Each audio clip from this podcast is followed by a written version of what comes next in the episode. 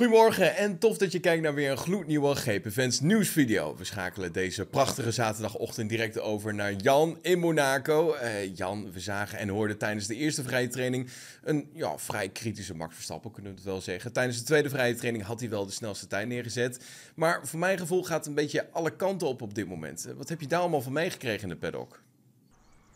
Ja, goedemorgen. Ehm, tijdens de eerste vrije training heeft Red Bull geëxperimenteerd met een aantal nieuwe afstellingen voor uh, Verstappen. Nou, zoals je al zei, was hij daar uh, heel erg ontevreden mee. Dus dat hebben ze tussen de eerste en de tweede vrije training weer aangepast. En daarna klokte hij ook direct in de tweede oefensessie gewoon de snelste tijd. Wel nipt voor de Ferraris. Dus hij zei zelf ook, er is nog wat werk aan de winkel, winkel als we dat op zaterdag en zondag ook willen doen. Maar het was in principe dus gewoon een kwestie van wat proberen met de afstellingen werkte niet. Oké, terug naar het vorige en dan gaan we vanaf daar weer verder opbouwen. En dat zag je in principe gewoon in het tweede deel van de dag gisteren uh, goed uit. Ja, Verstappen liet op Verstappen.com nog wel weten dat vergeleken met de Ferrari het team nog wel een beetje tekort komt uh, wat betreft hoe de auto zich gedraagt op de curbstones en op de hobbles. En ja, ook ziet hij het team van Aston Martin wel dichterbij komen. Kan dit zomaar nou een Grand Prix gaan worden waar Red Bull niet makkelijk zal gaan domineren? Ja, ik denk dat domineren hier inderdaad lastig wordt voor Red Bull. Dat zeiden ze zelf op voorhand ook al. Het, circuit, het is het eerste high voor circuit van het um, seizoen. Dus het is voor alle teams een beetje passen en meten hoe dat allemaal precies op elkaar aansluit. Um, Ferrari is hier op zich sterk. Sainz en Leclerc natuurlijk eerst en tweede in de tweede vrije training. Tweede vrije training zaten ze er ook weer bij. Uh, los van de problemen voor Sainz uiteraard. En um, ja, ik denk niet dat het een dominerend Red Bull wordt dit weekend. De derde vrije training zal het nog een tandje beter gaan. En als hij dan gewoon een foutloze, probleemloze kwalificatie heeft, verwacht ik wel dat hij hier gewoon uh, met Paul er vandoor gaat. Maar ik denk dat Red Bull, of uh, Ferrari sorry, en Aston Martin er dicht, dichterbij zullen zitten dan in de vorige races. Alleen is de ellende hier weer een beetje dat je daar niet zo heel veel aan hebt. Want ja, inhalen is gewoon vrij lastig. Dus als je iets wil, dan zul je er echt voor moeten staan op zaterdag. En ja, ik denk zelf niet dat dat gaat gebeuren. Ik denk dat het gewoon Max uh, op P1 wordt. En ondanks het moeilijke vrijdag voor Perez, denk ik ook wel Perez op P2 eigenlijk. Ja, Sainz maakt een flinke klapper mee, net bij het uitkomen van het zwembad. Uh, gaan daar nog problemen voor komen vandaag? Uh, moeten er nog onderdelen vervangen gaan worden? Ja, daar is bij mij niet zo heel veel over bekend. Um, je ziet daar natuurlijk heel vaak dat je daar eens iets fout gaat. Hè. Mijn hoofd is dat bij bocht 15 dan raken ze met het rechte voorwiel de muur. En dan schiet je dus eigenlijk recht door de muur in bij bocht 16. Ik denk dat Ferrari wel even drie keer de versnellingsbak gaat controleren. Want dat hebben we bij Leclerc volgens mij twee jaar geleden uit mijn hoofd eerder fout zien gaan. Toen was het natuurlijk zaterdag, dan waren ze op zondag de lul. Dus daar hebben ze nu wel alle tijd om uh, de boel grondig te controleren.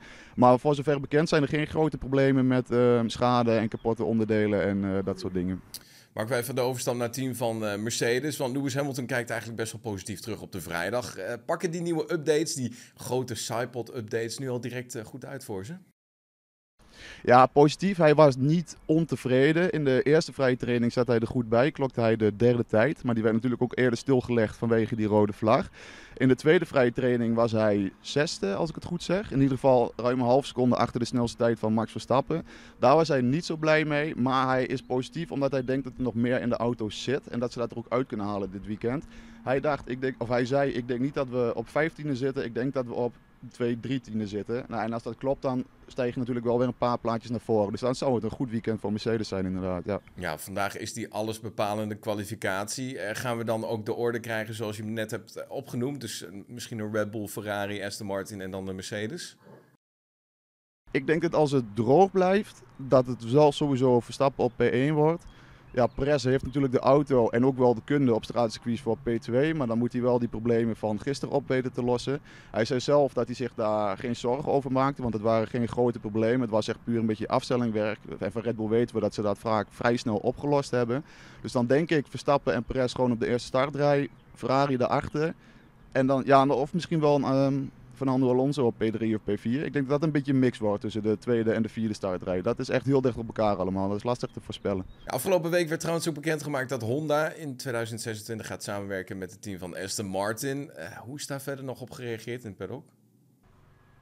Ja, Max zei op donderdag natuurlijk al dat hij het een beetje zonde vond. Hij was wel heel positief over Honda, maar hij vond het wel jammer dat ze weg waren gegaan. Um, Christian Horner, de teambaas van Red Bull, die kreeg gisteren, gisteren op vrijdag tijdens de persconferentie voor de teambazen de vraag wat hij van die uitspraken van Max vond. Um, ja, hij was eigenlijk alleen maar positief. Honda en Red Bull hebben natuurlijk een hele goede, vruchtbare samenwerking gehad. Hij zei wel, het is een heel duur geintje geweest. Want als Honda niet had besloten om te vertrekken, dan hadden wij niet besloten om onze eigen motoren te gaan maken. En ja, en zoiets kost natuurlijk geld. Wel zei hij ook, ik ben ze eigenlijk dankbaar dat ze ons dat duwtje in de rug hebben gegeven. Want Red Bull Racing is de status van klantenteam ontgroeid. En nu kunnen ze dus natuurlijk gewoon volledig op zichzelf staand ja, op de grid staan. Dus ja, het is natuurlijk een beetje gek om te horen dat als je, je motorleverancier vertrekt, dat hij een paar maanden later aangekondigd wordt bij een ander team. Dus de, er was wel een beetje verwarring, maar achteraf zijn ze heel dankbaar voor, wat alles, voor alles wat Honda voor hen heeft gedaan en ook nog steeds doet tot en met um, ehm, 2025. En ze zijn heel blij dat ze nu gewoon ja, eigenlijk gedwongen zijn om hun eigen weg in te gaan. Dankjewel Jan vanuit Monaco. Veel plezier vandaag. Helmut Marco en Frans Tos die hebben zich in Monaco uitgesproken over de huidige vorm van Nick de Vries. Ze stellen dat Nick het nog kan doen keren, maar dat ze snel betere resultaten verwachten. Want tot op heden heeft de Vries nog geen enkele punt weten te scoren. En als we de geruchten mogen geloven, dan begint de tijd nu toch echt wel te dringen. Naar verluid zou de 28-jarige coureur nog tot en met de Grand Prix van Spanje de tijd krijgen om zich te bewijzen. Maar volgens teambaas Frans Tost klopt er echter niks van die geruchten. Nee, er is geen tijdsplanning. Het is belangrijk dat hij hier een goed weekend heeft en daarna dat hij een goede race heeft in Barcelona. Barcelona is de eerste baan die jij erg goed kent. Ik hoop dat onze auto daar goed doet en dan zullen we wel zien. Ook Red Bull-adviseur Helmut Marco die heeft zich uitgesproken over de vorm van de Vries. Hij zegt... Het is overduidelijk dat Nick ondermaats presteert. Hij zat vanaf het begin af aan al vijftiende achter Yuki en daar is nog drie tiende van over. Helaas was hij de laatste twee races betrokken bij crashes. Hij moet verbeteren, dat is alles. En als hij dat kan doen, dan zit het goed. Als we al een beslissing hadden genomen, dan hadden we dat al gedaan. Er is geen gele kaart uitgedeeld, er is geen ultimatum of iets, maar hij moet presteren en dat is een feit. Al dus Dr. Helmoet Marco. Vanmiddag om half twee is het tijd voor de derde en laatste vrije training. En om vier uur is dus die belangrijke kwalificatie in Monaco. Wil je niks missen van dat allerlaatste Formule 1 nieuws? Vergeet je dan niet te abonneren op dit kanaal. zien we vanmiddag weer. Tot dan. Hoi.